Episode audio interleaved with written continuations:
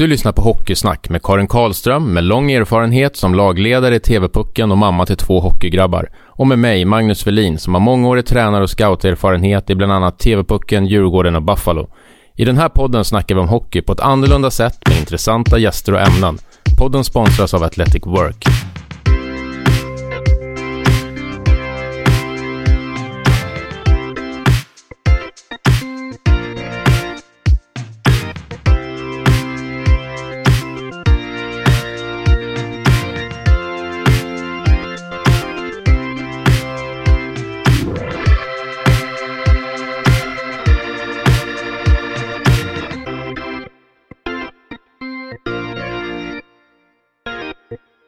Tjena Robban, Johannes här.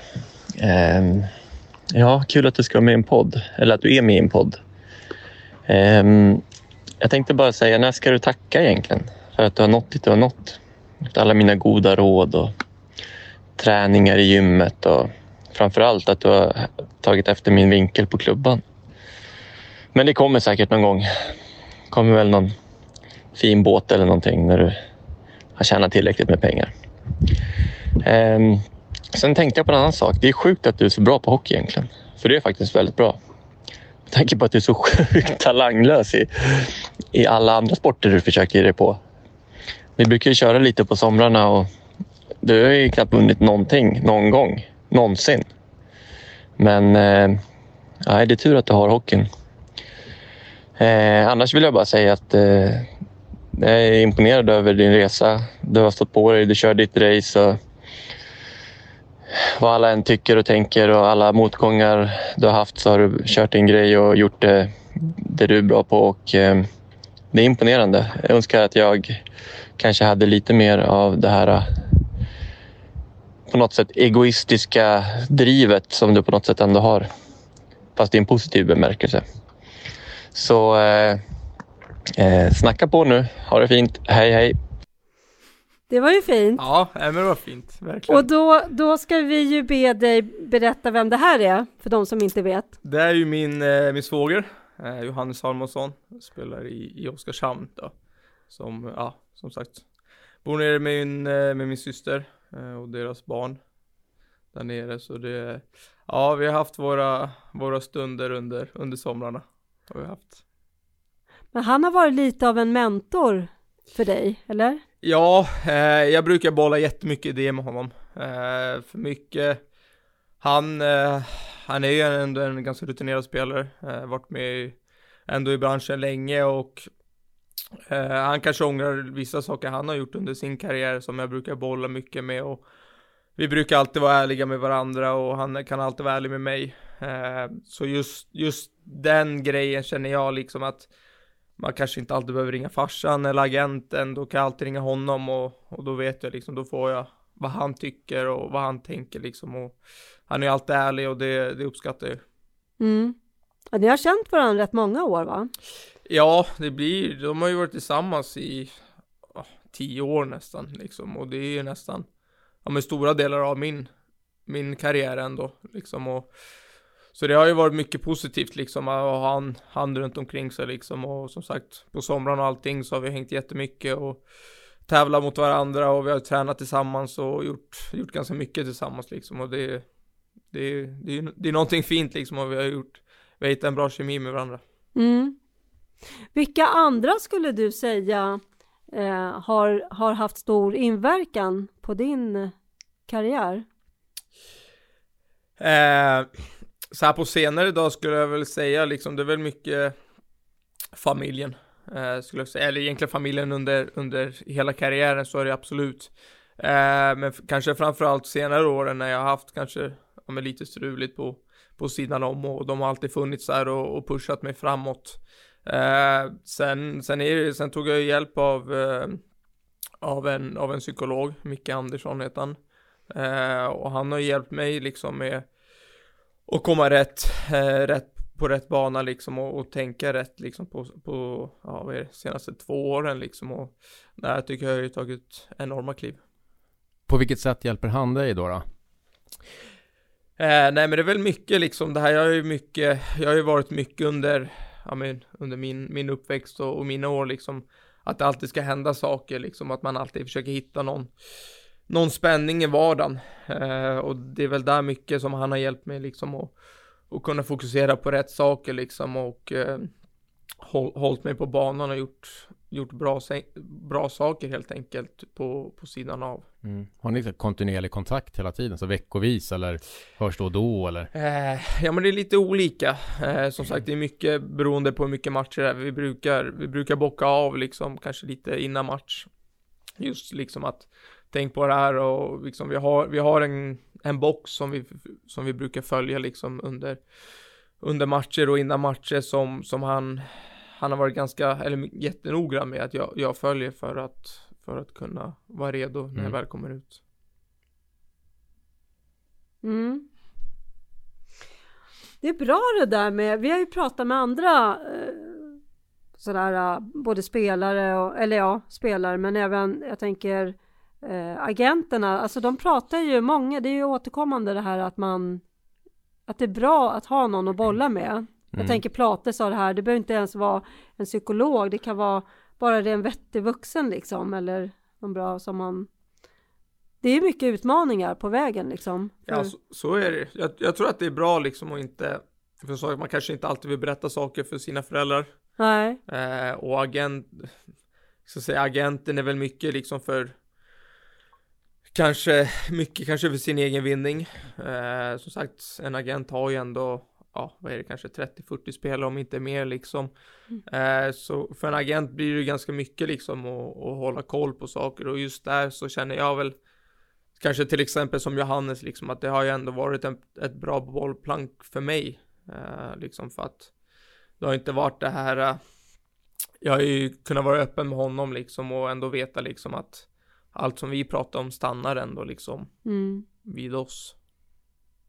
Mm. Jag tänker agenter, de kanske mer släcker, släcker bränder liksom när det är Alltså större grejer ja. sådär måste ja, de ja. Det där är du såklart Robin mer erfarenhet av Men jag ja, Sen tror jag att agenter kan jobba ganska olika och att de finns Till olika mycket kanske så. Men de är väldigt skönt boll Bollplank såklart Ja, så man kommer nära liksom Så att De är väl grymma att snacka med också ja. mm. Men som sagt, trots att det kan vara skönt att ha folk som kanske inte har just med hockey mm delen att göra sådär. Och apropå det Karin så sa du att agenterna pratade om det, där, det avsnitt som vi hade med, med Jocke och Peter om att de pratade om det här med allt, all peng, alla pengar som föräldrar lägger på olika typer av camper och sådär. Att snarare lägga de pengarna på någon som kan hjälpa en med, med det mentala relativt tidigt liksom i ens, i ens hockeyliv. Att, att det är ändå det som kommer avgöra till slut.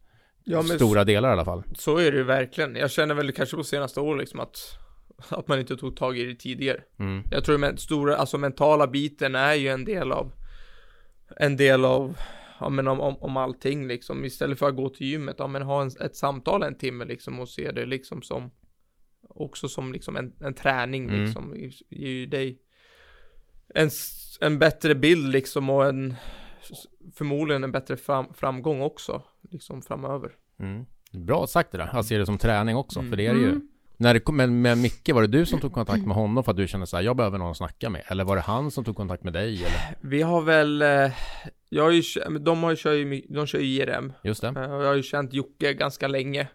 Eh, från, ja, från AIK-tiden och så.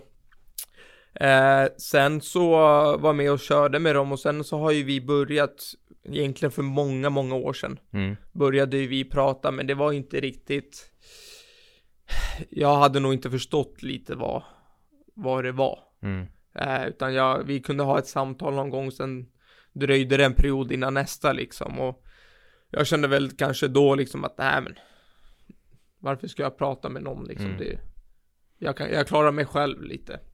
Så har det ju varit mycket också, liksom att jag alltid försöker, ska man säga, ja men klara saker själv liksom och liksom när det har hänt någonting, ja men jag kan bearbeta det själv, jag klarar det själv liksom, för det, det har jag gjort förut typ.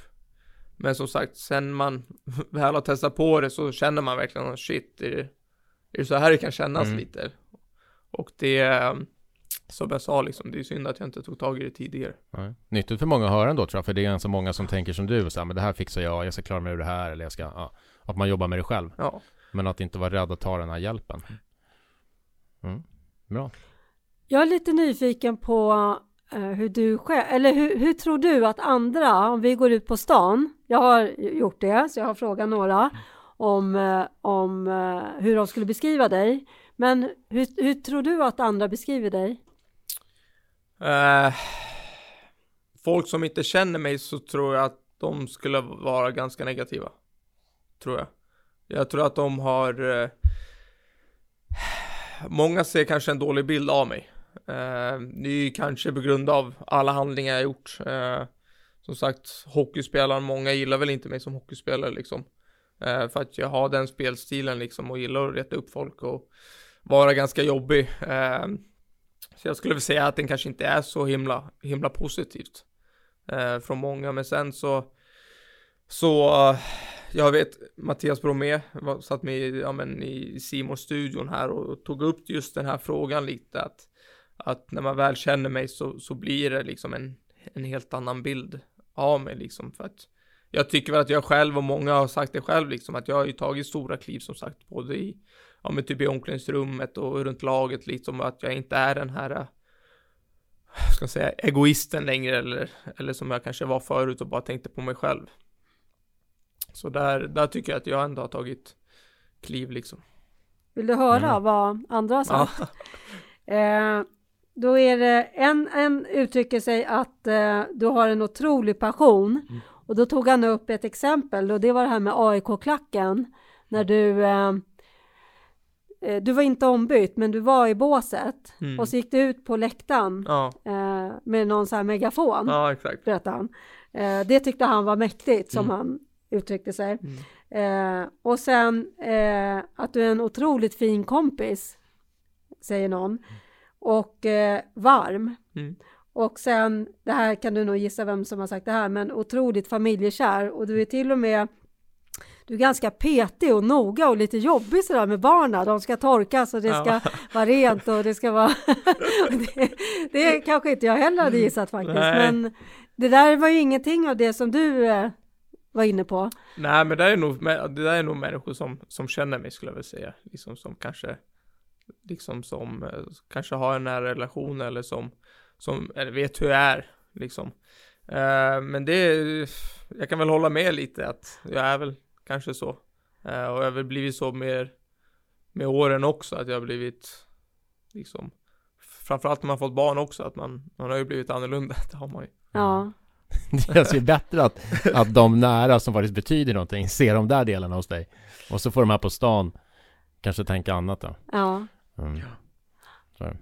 Men det är ju det här som är, jag tänker att vi ska backa tillbaks till dina tidiga år. För om vi också ska säga så här Karin, för att normalt när vi startade den här podden så sa ju vi så här, ja men vi ska inte göra som alla andra, vi ska inte så här, träffa massa spelare eller tränare och bara göra så spelarporträtt och så bara prata om ens karriär och sådär. Ja. Men så har vi faktiskt en spelare här i form av Robin och det har ju vi för att vi tycker att du är väldigt intressant och vi har redan egentligen, eller du har ju kommit in på delar som gör att du är i mina ögon i alla fall mer intressant än många andra spelare. Dessutom har jag ju följt dig sen, sen du var kanske 13-14 år någonting. Mm. Um, så att jag har ju sett dig hela vägen och sett delar både på plan och, och kanske utanför som har förändrats med tiden. Uh, så därför tänker jag att vi backar tillbaks till dina pojkår. Sen får du välja var i de här pojkåren du vill vara. Men ja, hur, hur var du som pojkspelare? Om du då både kanske skulle ta som spelare och som hur du var som person då? Om du kommer ihåg det överhuvudtaget. Galen. Galen? Ja. Nej men det tror jag, det tror jag att många kan stryka under ja, på. Och hur, hur visade sig det då? Nej men... Eh... Alltså vad är vi nu? Flämpan eller? Ja men det är väl där jag landar. Ja, det är vi är ju, det är ju exakt, Flemingsberg i södra Stockholm är ja. ju där du har din, ja, dina ungdomsår ja. i stort sett hela tiden fall. Eh, nej men vi var väl, vi var väl ganska kända även, alltså för att vara ganska, ska man säga, ja men tuffa och ganska galna ändå.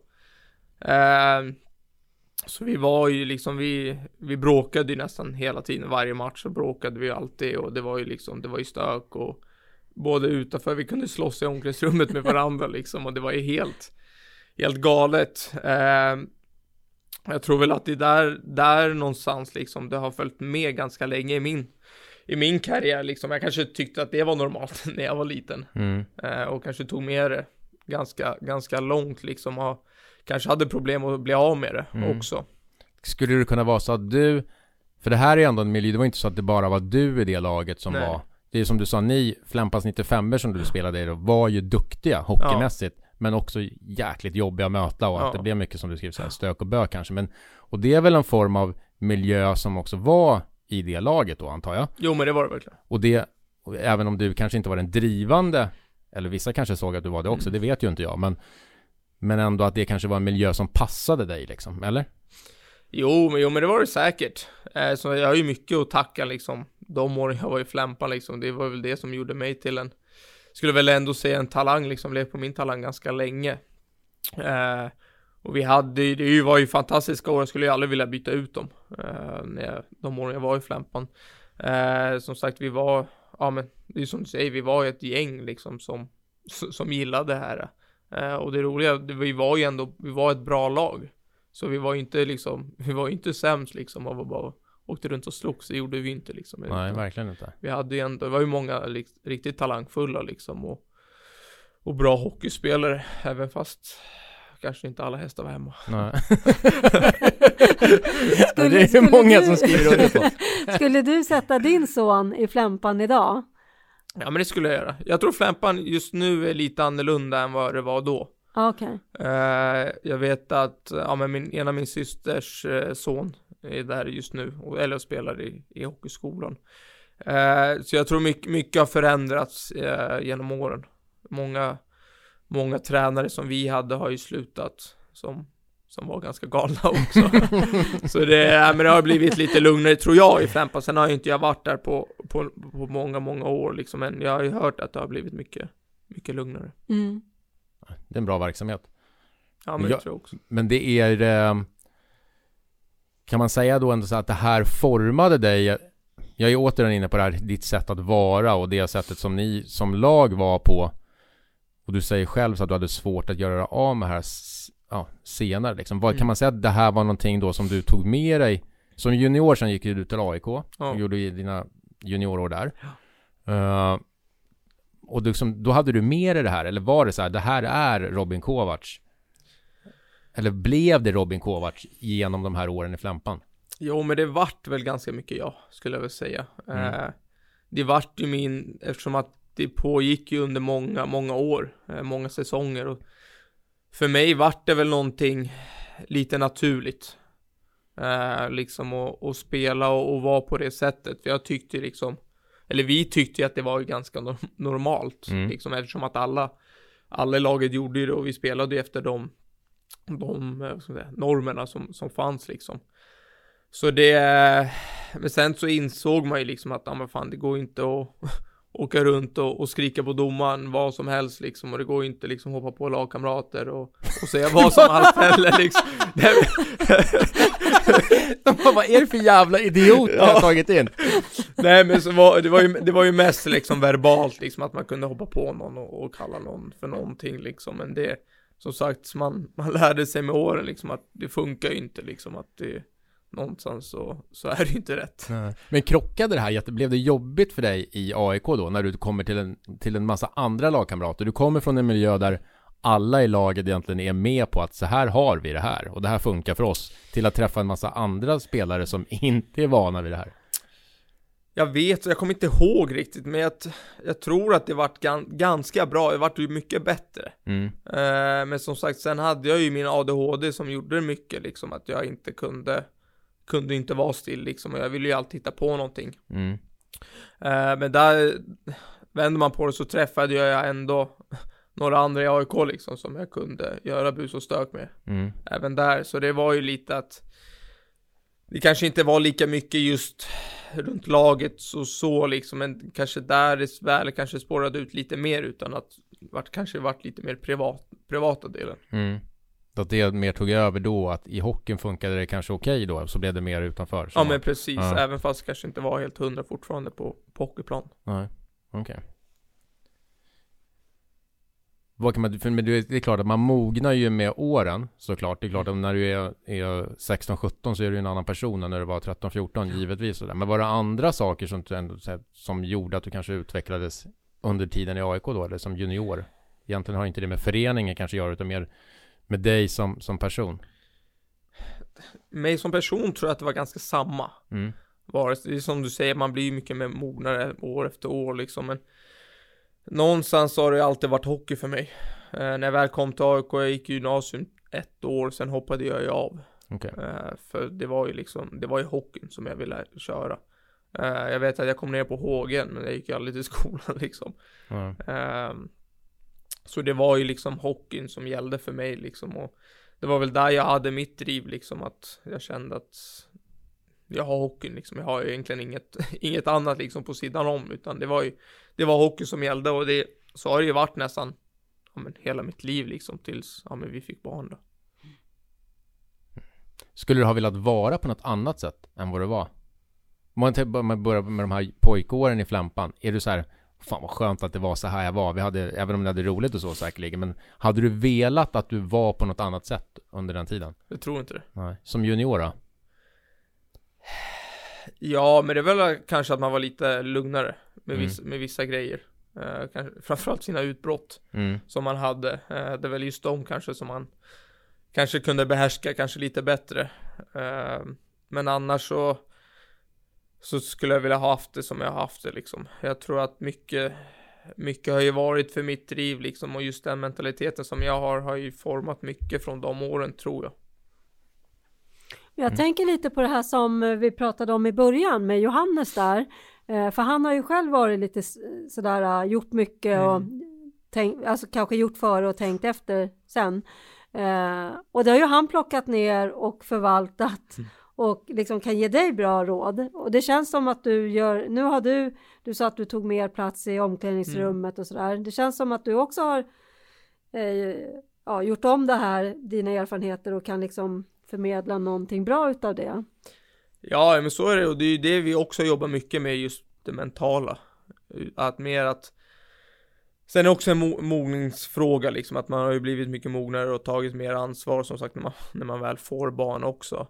Eh, men sen är det ju lite att nu kommer det ju Jag ser ju mig ganska Även fast jag är ganska ung så känner jag mig ändå ganska gammal just i Hockeymässigt liksom. Jag känns ändå att jag har varit med ett, ett tag liksom på den höga nivån och sen nu så ser man, nu kommer det ju unga, unga bra spelare upp i laget liksom och någonstans där så, så känner man väl ändå att man vill vara en förebild även fast även fast man spelar i samma lag och så, så vill man ändå göra bra saker liksom som, som de kanske ser upp till liksom och man är kanske ändå en ledande spelare i laget och, och liksom har ögonen på sig eh, just, just runt laget men ändå även utanför också. Är du en lagkapten? Nej, det är jag inte. Uh, och det, jag tror inte, det är ingenting som jag, det är ingenting som jag vill vara heller. Även om jag skulle få frågan att bli lagkapten så skulle jag aldrig bli det heller. Utan jag, jag tror att det finns, det finns bättre folk som kan vara, kan vara lagkaptener. Uh, just, uh, jag kanske inte är en som är så, så bra på att kanske ta intervjuer när det väl går dåligt och och så, för då kan det komma nästan vad som helst. ja, men det är som sagt, jag har ju fortfarande mina känslor liksom att ibland så går det inte att kontrollera dem liksom. Eh, just sådana tillfällen känner väl jag att då finns det bättre folk som, som, eh, som kan göra det liksom och jag, jag behöver ändå ha ganska mycket fokus på mig själv när jag väl spelar.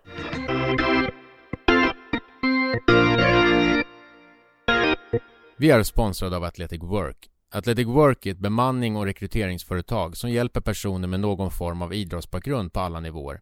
Från idrotten får man med sig goda egenskaper som är viktiga på arbetsmarknaden. Viljan att vara bäst och prestera sitt yttersta på tävlingsplanen, som på arbetet, är det mål som Athletic Work och deras konsulter strävar efter. Athletic Works vision är att skapa ett idrottslag på arbetsmarknaden. Det har idag hjälpt flera personer ut på arbetsmarknaden och av egna erfarenheter vet jag att kontakt med Athletic Work faktiskt leder till jobb. Så om du letar efter ett nytt jobb, tveka inte att höra av dig på www.athleticwork.se. Tack Athletic Work!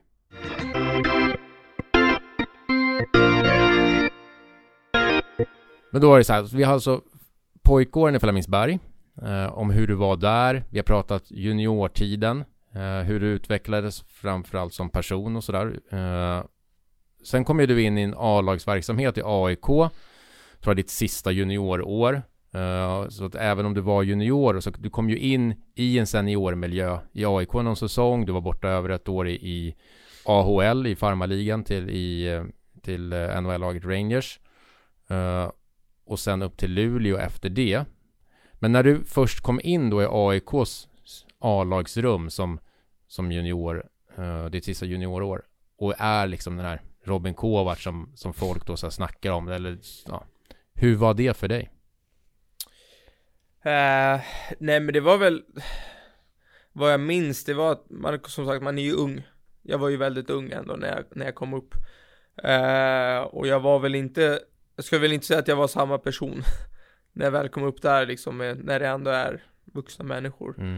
uh, Jag kanske var, kanske vart I början i alla fall så vart jag kanske den som var lite mer Mer tystlåten liksom och Och hängde på liksom och Men sen någonstans när jag väl kände att jag började leverera och ändå kanske var i toppen av laget, väl ute på isen, då, då förvandlades det väl lite liksom att jag vart lite mer bekväm i, i min situation och då kunde jag fortsätta vara ändå den jag var eh, tidigare liksom och det var väl någonstans liksom, jag skulle väl säga att i början så var det liksom att, ja men, jag hade ingen aning hur det skulle vara liksom, det är ändå många som har som har varit där i många år liksom, typ Christian Sandberg, Fredrik mm. Hynning och Patrik Blomdahl. Det var ändå liksom ikoner i AIK liksom som mm. hade spelat många år.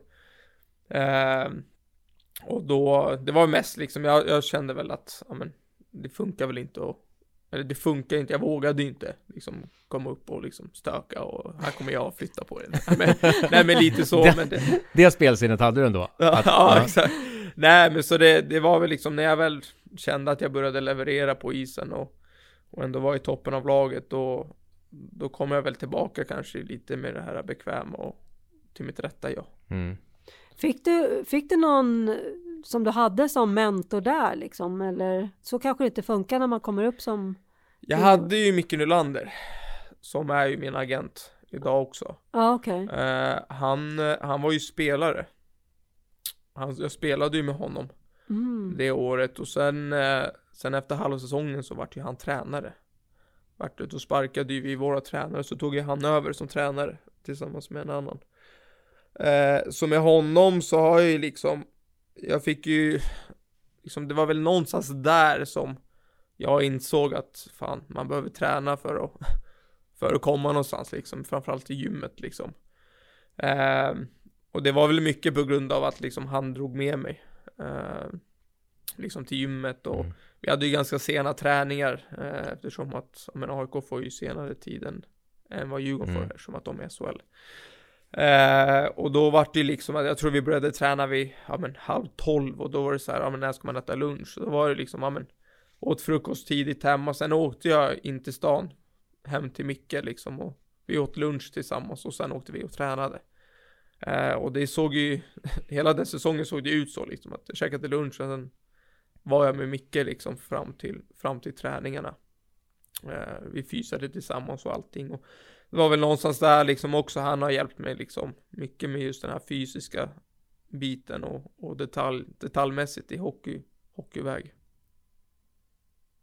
Det är bra, så du får en förståelse för vad som faktiskt krävs ja, när det Man kan inte leva på talangen liksom längre. Ja nej, man, verkligen. Så är det liksom, han har ju ändå En bra karriär liksom. Mm, Det måste man ge honom. Uh, Sen då vidare till om vi tittar, AHL-året tycker jag också är lite intressant. Jag tror att du var första års senior när du var där. Mm. Uh, hur var det för dig då? För då kommer du till en annan kontinent och ett helt, ett helt nytt lag och en helt ny miljö. Uh, Kunde du vara dig själv då också eller var nej. det? Nej. Det gick inte sen. Försökte du vara dig själv? Ja, jo men det skulle jag väl säga efter ett tag. Uh, men som sagt, det var ju mycket nytt. Nytt mm. språk och det var ju liksom, det var ju en helt annan miljö. Uh, när man kom över. Uh, och sen någonstans liksom, jag var ju över på camp med året innan till och med, gjorde det jättebra. Uh, spelade ju nästan alla träningsmatcher med, med Rangers. Uh, kom tillbaka året efter och hade ju förhoppningar liksom för dem, men fan, det här kan gå vägen liksom. Mm. Uh, tror jag spelade fem av sju träningsmatcher den säsongen också. Och var, tror vi var fyra eller fem kvar liksom, innan vi vart nedskickade. Eh, samma, det hade jättestora förhoppningar liksom att fan det har ju gått bra på campen-matcherna liksom, jag kan ju ta en plats. Mm. Eh, men vart ju, vart ju nerskickad eh, med positiv, positiv feedback eh, från, från NHL. Mm. Eh, att jag mer skulle ner och ja, men spela liksom, skulle få mycket speltid och eh, liksom, ja, men att jag var de först, bland de första forwardsen liksom och, och bli uppkallad. Eh, Medan man kommer ner och det vänder helt totalt liksom, får typ spela 6-7 minuter per match. Eh, hamnar i fjärde kedjan och, och typ bara blir nedtryckt typ av tränaren. Så det vart ju lite så här att gå ifrån från kanske jättebra känsla liksom och vara jättepositivt till att bara bli helt typ nedtryckt. Mm. Eh, som ändå pågick, skulle jag väl säga, under hela säsongen. Eh, och det är väl därför också det gick som det gick det året, utan att just med stats och, och allting, att det blir ju tufft liksom komma till en tränare som, som trycker ner en egentligen hela, hela säsongen liksom och inte, och inte ger en chansen. Eh, då blir det ju tufft liksom och det var därför jag valde att åka hem. Mm. Annars tycker jag att det här är, jag tycker det är intressant för att du är ju i många av det som jag pratat om ganska osvensk. Och många svenskar tror jag, när man väl kommer dit bort Ja. Så är det så här, det är du eller jag. Så det är liksom bara, nu är det krig. Ja, Uh, och det passar ju faktiskt inte alla svenskar om vi ska generalisera. Här är vi mycket så man ber om ursäkt, att man, ja, och sådär. Nej men, ja, ta den du. mm. Men du är ju inte sån och har aldrig varit sån. nej. Passade det ändå det dig? Sen vet, som, som du säger så, så var ju tränaren kanske sådär. Men passade liksom den typen av miljö dig egentligen? Jo men det tycker jag. Jag tror det är väl därför det gick bra på camperna. Mm. Eh, utan eh, så det var ju samma, jag kom in på Micke Nylander igen liksom. Han, det var det han sa till mig liksom att det spelar ingen roll vem du möter liksom. Det, du slåss mot honom eh, oavsett vad liksom. Och, eh, du är inte där för att göra kompisar på camperna utan Nej. ni slåss för att ta en plats liksom. Och det var väl mycket det, det som, det som jag tog till mig liksom när jag åkte dit att skitsamma hur det går för de andra. Jag hade ju kompisar där liksom som, som var också på campen men det var liksom jag ska ha en plats liksom. Mm. Och det, det var därför det gick, gick så bra liksom och ehm, och allting och sen när jag väl kommer ner liksom att det vände helt plötsligt. Det var ju det, ja men det, det trycker ner mig och det, det sög ju musten ur den helt enkelt. Men det där tycker jag ju är, man blir ju, vad ska man säga, stillsamt irriterad när Mm. man hör det här med, med tränare, hur de trycker ner och utövar någon form av så här, maktmissbruk. Vad, vad, nu hanterar ju du det bra och kom igenom det där stålbadet eller vad vi Mm. ska kalla det. Men vad skulle du ge för råd till de som hamnar i, för, för det behöver man ju inte åka liksom till USA. Nej, det nej, finns fast ju, risken är större där borta. Det har vi pratat Ja. om i tidigare avsnitt också. Det skiljer sig jättemycket i ledarskapsfilosofi liksom i ja, hur vi är här. De, sådana som Robin beskriver där, de är ju faktiskt ganska få här. Mm. Och framförallt så är de inte på den nivån. Det tror jag inte. Nej, Men, men oavsett var, var geografiskt då, om vi bara håller oss till fenomenet att, att tränare kan utöva maktmissbruk eh, som du har upplevt då på nära håll. Vad skulle du liksom skicka med en sån kille eller tjej som hamnar i ett sånt läge? det är väl, det är väl mycket liksom att mycket liksom att låt det bara gå rakt igenom. Eh, ta inte åt liksom vad han säger eller vad hon säger. Utan mest liksom att försöka och inte påverka en. Eh, för det påverkade ju mig som sagt och jag tror att det är ju svårt när man är så pass ung också att liksom bara skölja av det men det är ju liksom det bästa liksom att vad, oavsett vad han säger eller hon säger liksom försök att bara ignorera, ignorera det och liksom gå vidare liksom och liksom du är ju där på grund av att du är bra liksom eh, och som sagt bara fortsätta och fortsätta att träna och liksom någon gång kommer det vända.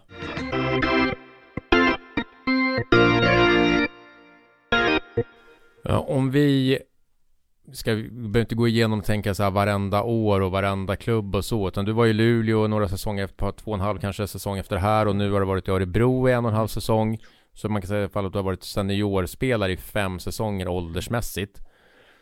Så hur, eh, vad har liksom hänt under de här åren då, sen du kom tillbaks från AHL-året? Hur har du, vad har hänt sen liksom i din mer personliga resa och kanske som hockeyspelare också då men Uh, nej men personligt så har det ju varit uh, Så gick det ju liksom från Från botten egentligen Nästan från botten när jag Mm. kom hem från USA. Uh, Sommaren efter så förlorade jag ju min barndomsvän. Och mm. då gick det ju ännu längre neråt.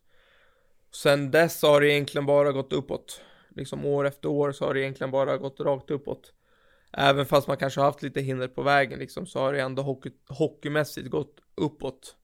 Eh, Sen som sagt pri- privata så har det väl senaste ett och ett halvt, två åren också gått spikrakt uppåt Egentligen och det är ju som sagt mycket på grund av mentala träningen liksom och Mm.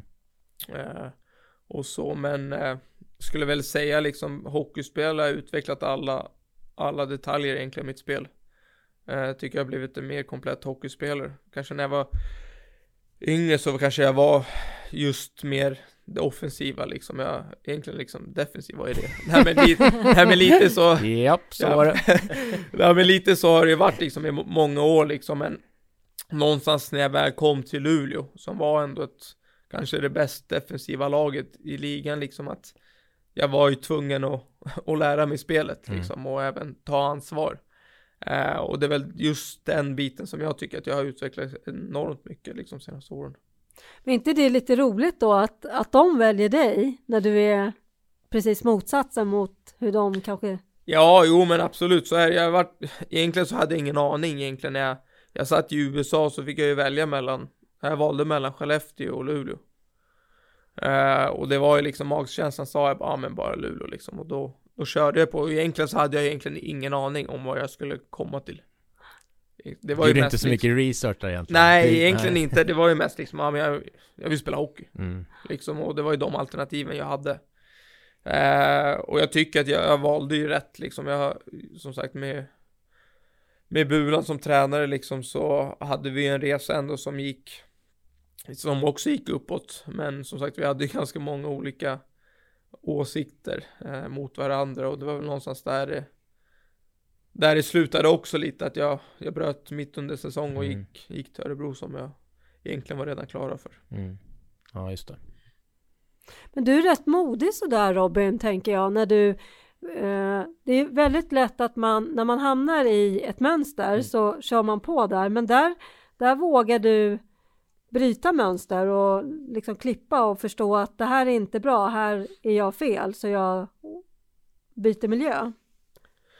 Ja, nej men så, alltså det har ju varit både liksom, både hockeymässigt och, och på det privata liksom, det har varit så. Eh, jag tror väl mycket hockeymässigt så, jag skulle väl säga framförallt framför allt sista åren i Luleå, skulle jag väl säga att jag, jag ändå hamnade, det vart för mycket, vart för mycket konflikter varje dag med tränaren. Ehm, även fast vi kanske han gillade liksom att få liksom få lite mothugg ibland och ehm, och vi kunde tjafsa ibland men någonstans så gick det liksom överstyr helt enkelt ehm, och eh, det var väl lite där jag kände också att ja, men det det funkar inte liksom eh, och det var ju då liksom vi kommer ihåg att jag satt på flygplatsen på väg ner till Ängelholm och spelade match liksom när jag ringde agenten och sa att det det kommer inte funka det här och spela en halv säsong till med den här coachen eh, Även fast jag fick spela och fick jättemycket speltid så kände jag någonstans det, det kommer inte funka liksom. Det kan, jag tror det bara kommer bli värre för mig.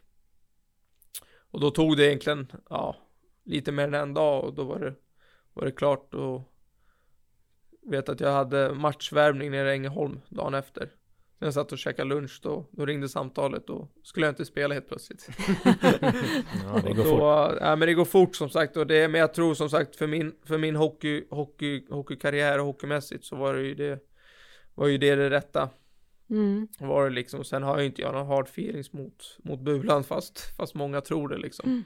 Eh, utan mer tvärt emot liksom, jag, jag tror han har all respekt för mig också lite och när vi har mött dem och, och så liksom så har ju vi stått och pratat liksom och haft en bra dialog ändå liksom så det Han är ju en bra tränare liksom men det är som sagt det, man, eh, det gäller att vara redo på det bara. Jag tänker på en helt annan sak nu som jag måste berätta för er.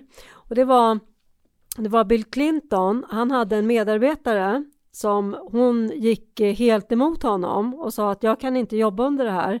Man skulle genomföra ett, lag, ett nytt lagförslag. Eh, och då blev, blev det lite så här oroligt i ledet och man tyckte så här nej men nej nej nej nej nej det där är inte eh, karriärmässigt rätt att göra så där. Eh, och då säger Bill Clinton så här att eh, vi ska tacka av dig för det här var det bästa, att man vågar stå för det. Mm. Mm. Du säger vad du tycker och du vågar stå för det och du säger att du inte trivs med det här. Det är stort, det är sådana medarbetare jag vill ha. Mm. Och så tackar han av henne på ett jättefint sätt. Jag tycker det är ja, häftigt ja, och det, är, det är liksom häftigt att man vågar precis som mm. du, man kan tycka olika. Eller hur? Det är ja, ju liksom inte något rocket science i det egentligen men det är ju hur man liksom ändå kan mm. eh, konstatera och acceptera varandra ändå. Det tror jag också är ganska viktigt när man är i en sån situation att man verkligen lyfter det. Typ till exempel med tränaren. Mm. Mm. Att man inte går och grubblar över det liksom eller liksom kanske snacka skit bakom rygg liksom eller någonting. Jag tror att det är viktigt liksom att ja men gå till tränaren, berätta hur du känner liksom och sen får ni lösa det därifrån liksom. Mm. För det är ändå någonstans liksom han är din tränare liksom och ja beroende på situation så kommer ni förmodligen träna eller vara med varandra i många år. Mm. Men vågade du ta dialogen då direkt med tränaren? Du gick inte via agenten utan du var rak själv? Nej, vi var ganska rak. Jag tror första året som sagt, jag kom in, kom in ganska sent på säsongen. Eh, så det året så var det egentligen inte mycket. jag fick ju spela jättemycket och gjorde det, gjorde det jättebra liksom. Men sen, det var just framförallt mitt andra år som jag kände liksom att, att, eh, att han var mycket hårdare mot mig. Eh, och där gick det väl kanske ja, men x antal matcher liksom innan jag väl liksom gick in och frågade liksom vad vad hände, vad, hur är läget liksom, varför just jag typ. Mm. Eh, och sen därifrån så hade vi ändå en, hade vi egentligen, ja men diskussioner liksom nästan konstant kanske, ja men några gånger i veckan liksom att allt det var någonting så. Eh, men som sagt, det var, det var hockeymässigt liksom på sidan om så var det ju absolut ingenting liksom. Det var just när vi väl var inne i bubblan liksom och spelade mm. liksom som det som det var, väl var så hett. Mm. Tror du att du har varit jobbig, alltså jobbig spelare att ha för en tränare? Eller tror du att du har varit en spelare som, är, som man uppskattar som tränare för att du är, för att du är just den här raka och... Jag tror väl både och. Uh, jag tror jag är ändå ganska mycket liksom, jag säger ju, uh, tycker, jag säger ju vad jag känner och tycker. Mm. Uh, och sen är jag ju som sagt, jag är ju ärlig, ärlig med dem och säger vad, vad jag känner och någonstans där så kan jag väl tycka att, ja men Vissa tränare har ju kanske tyckt att det har varit jobbigt. Uh, vissa har ju uppskattat det. Mm. Så det har väl varit både och skulle jag väl säga. Um, men det är liksom, man får hitta en bra balans liksom också. Alla tränare är olika. Exakt.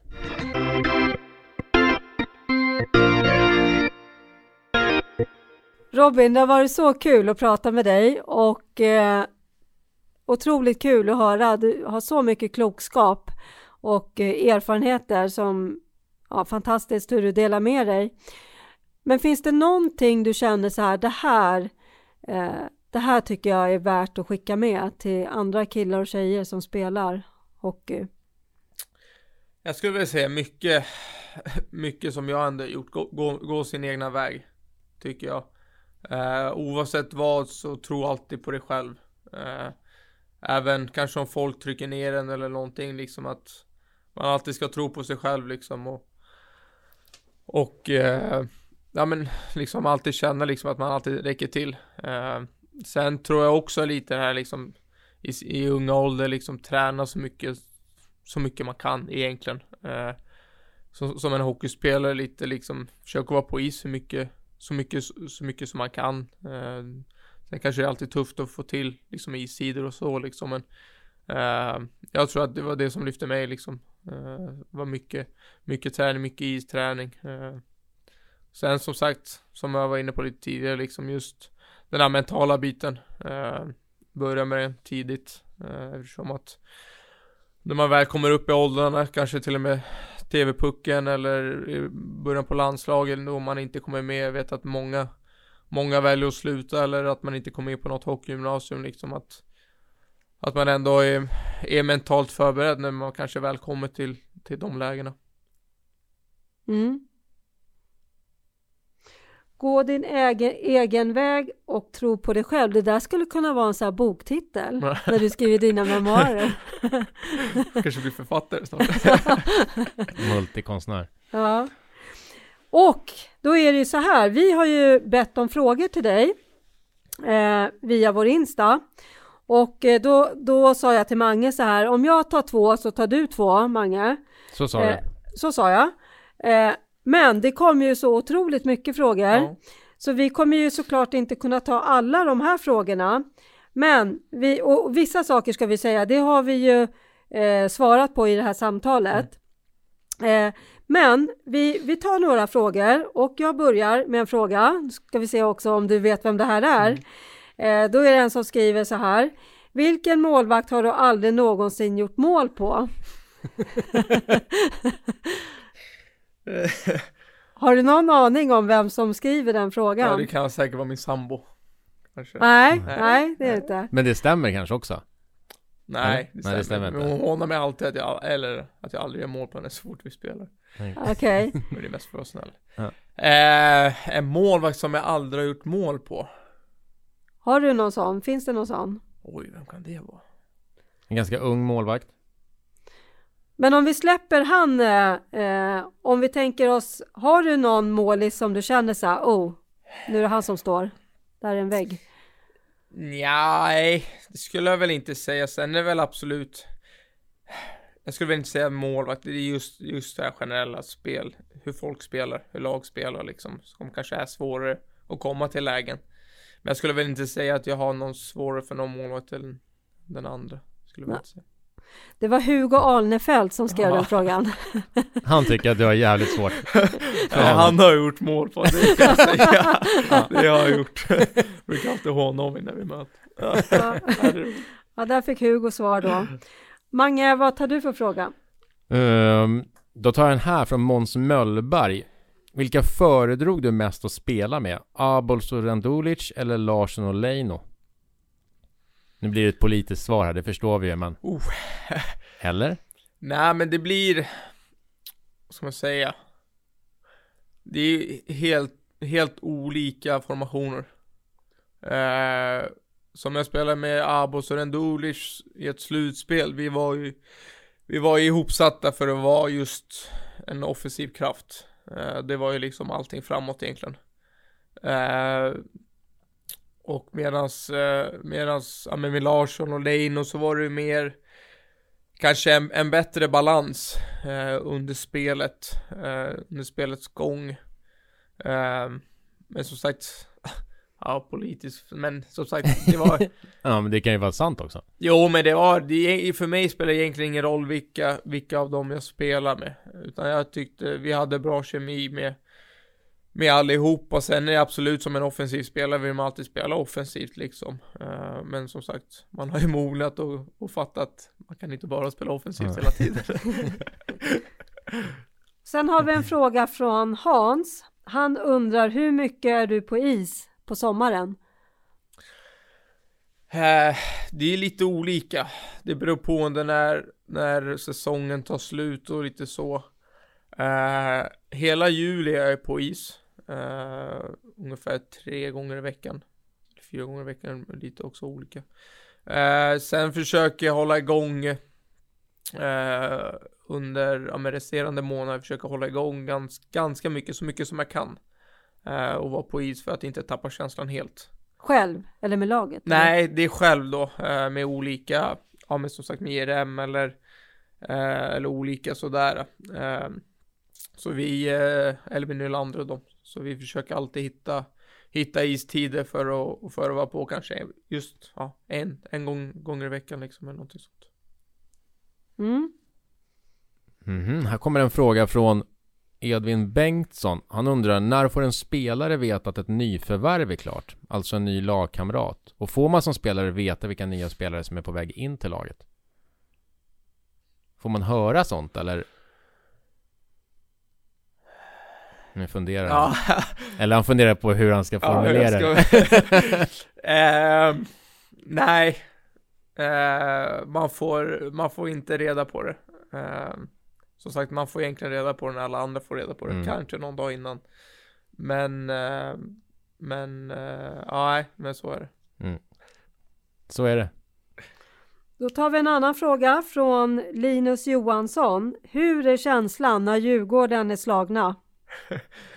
Eh, nej, men det är ju som sagt, det är ju skönt varje gång, så är det eh, Är det extra skönt när det är Djurgården eller vad? Ja, jo men det är det väl. Alltså det har, det har ju blivit en grej nu med under alla år liksom att det har Det har ju blivit en grej liksom att jag Ja men kanske ogillar dem liksom och att det har blivit eh, Och att du kanske spelar lite på det, eller? Ja, ja men så är det absolut. Så är det Mm. att det blir Sen om man vänder på det nu under säsongen när det inte var publik då var det inte samma Det var inte samma sak. Nej. Liksom. Det är ju Mm. ändå Framförallt när man spelar på Hovet och vinner där som jag tycker att det Eller det blir Lite mer skönare också när de står på Står på läktaren och sjunger Mm. Vad det- sjunger de fast- då? Nej det kan vara allt olika typ En svarta råtta En svarta En svart rått Nej en svart råtta Nej vad sjunger de? En råtta svart och gult för fan vad han är ful Aha. brukar de sjunga typ när jag Mm. står i teckningar och brukar alltid stå och le typ såhär och skratta typ och så blir de ännu Ja. ännu mer vansinniga. ja. Ja, kan det vara den sista nu? Nej, vi- jag Nähä. har några till, eller? Aha, du har några. Jag Ja. drar en då. Mm. Mm, Tony Hjörtsjö. Det namnet känner du igen. Ja, Vem är han? det är uh, vår kameraman Ja. eh, i, uh, i Örebro. Er kameraman i Örebro. Tony, han undrar vad din skärmtid ligger på i telefonen.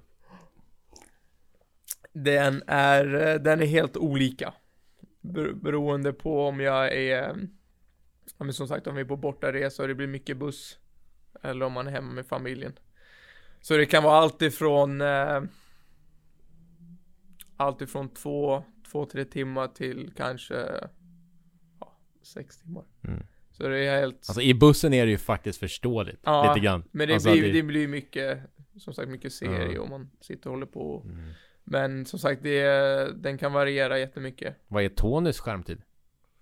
Jag vet, han sa att den var tre timmar men den, jag försöker syna den alltså. Aha, okej. Och sen har vi en fråga här. Hur har folk i lagen du spelat i reagerat på Gnaget-gadden? Egentligen inget Inget märkvärdigt Man har fått någon Någon kanske pik ibland sådär liksom men det, det Är det inte- tatuering Ja, du pratar exakt, om? ja. Eh, Det har inte varit något, något speciellt har det inte varit. Man har spelat med någon djurgårdare och han har kastat in någon kommentar ibland liksom. Men det, det har inte varit, det har inte varit så mycket som jag, som jag trodde det skulle vara. Nej. Och sen är det en fråga som är väldigt återkommande och det är ju när kommer du hem till Gnaget? Ja, den får man höra ju ganska mycket. Eh, nej, men som sagt, den är ju svår, svår att svara på. Som sagt, man vet ju aldrig. Man vet ju aldrig liksom eh, vart sin karriär går och eh, vart AIK befinner sig och var jag befinner mig och, och så i karriären så. Men en, en vacker dag så hoppas jag vara tillbaka. Ska vi ta en sista? Snyggt, ta en sista du. Då tar vi Jonas Holm. Han undrar hur trivs du och familjen i Örebro? Eh, vi trivs jättebra faktiskt. Eh, tycker det har varit en, eh, en, eh, ja men som sagt en bra stad eh, att bo i för, för hela familjen. Eh, vi har bott ganska centralt så det har ju varit det har ju varit skönt för, för familjen liksom när man är bortrest och, och lätt att ta sig ut och in till stan liksom och, och så. Sen har vi ju ganska nära hem till Stockholm eh, om man vill om man vill åka hem så det har varit eh, ett egentligen perfekt läge att, att bo i. Har du varit på Örebro slott? Mm. Mm, Det har varit. där är fint. Ja, det är fint. Vi bor bara några hundra meter därifrån faktiskt. Jaha. Det gör vi. Så det, nej men det är en fin stad där. Mm. Ska vi stänga frågorna där? Ja, det tycker jag. Då gör vi det. Mm. Tackar dig Robin för det. Eh, eller vi, ta- vi, nej, nu sa jag fel. Vi tackar lyssnarna för frågorna. Så ska vi säga. Och Robin för svaren. Ja, precis. Eh, och Robin, då har ju vi det här. Eh, vi har ju en fråga vi ställer till våra gäster Mm. avslutningsvis och då är ju frågan som så att eh, om du skulle önska att höra om någon i podden, vem skulle det vara? Jag funderade på det igår när, när Mange skrev till mig om det. Eh, och jag tänkte faktiskt min agent, men eftersom att ni har haft några agenter här redan så, så, så skulle jag väl säga Johannes eh, Salmonsson. Och vad skulle han prata om? Mycket om sin, sin väg i karriären. Eh, som sagt, som vi var inne på, han kanske har haft eh, kanske mycket upp och ner i sin, i sin karriär och eh, kanske hade velat göra om vissa saker i sin, i sin resa liksom. Sen med alla hans, hans operationer han har gjort och, och sånt och även som sagt eh, och ändå kunna leverera och, och prestera på en sån på en sån hög nivå när han ändå opererar båda höfterna nu liksom. Mm. Så det, jag tror det skulle vara intressant och ändå en intressant podd att lyssna på när, när han är med. Och han är ju ändå den som har varit i mest SHL-klubbar av, av allihopa. Mm. Ja, just det. Här Skulle du kunna spela in intro till hans avsnitt då, som han gjorde till dig? Det skulle jag kunna göra.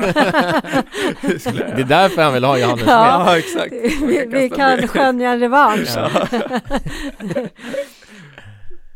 ja, nej men bra. Ja. Då är vi väl klara där. Och då är, vill vi rikta ett stort tack till dig Robin för att du kom hit till oss här idag mm, och pratade om din resa som jag tycker att det här var lite extra spännande i och med att jag följt dig sedan du var en väldigt ung pojkspelare. Mm. Och vi har ju aldrig suttit så här och pratat liksom om, din, om dina val eller vad man ska säga och hur du har varit och hur du har utvecklats. Och det är det som jag så inledde med idag att, som jag tycker är det intressanta med dig och att du har gått din väg liksom. Och, oavsett att det är kryllar av folk som har en, alla, alla i stort sett har någon åsikt om dig. Mm. Uh, och det gör dig intressant. Mm. Så att stort tack för idag. Stort lycka till i fortsättningen i karriären. Tack. Uh, och också ett stort tack till er lyssnare.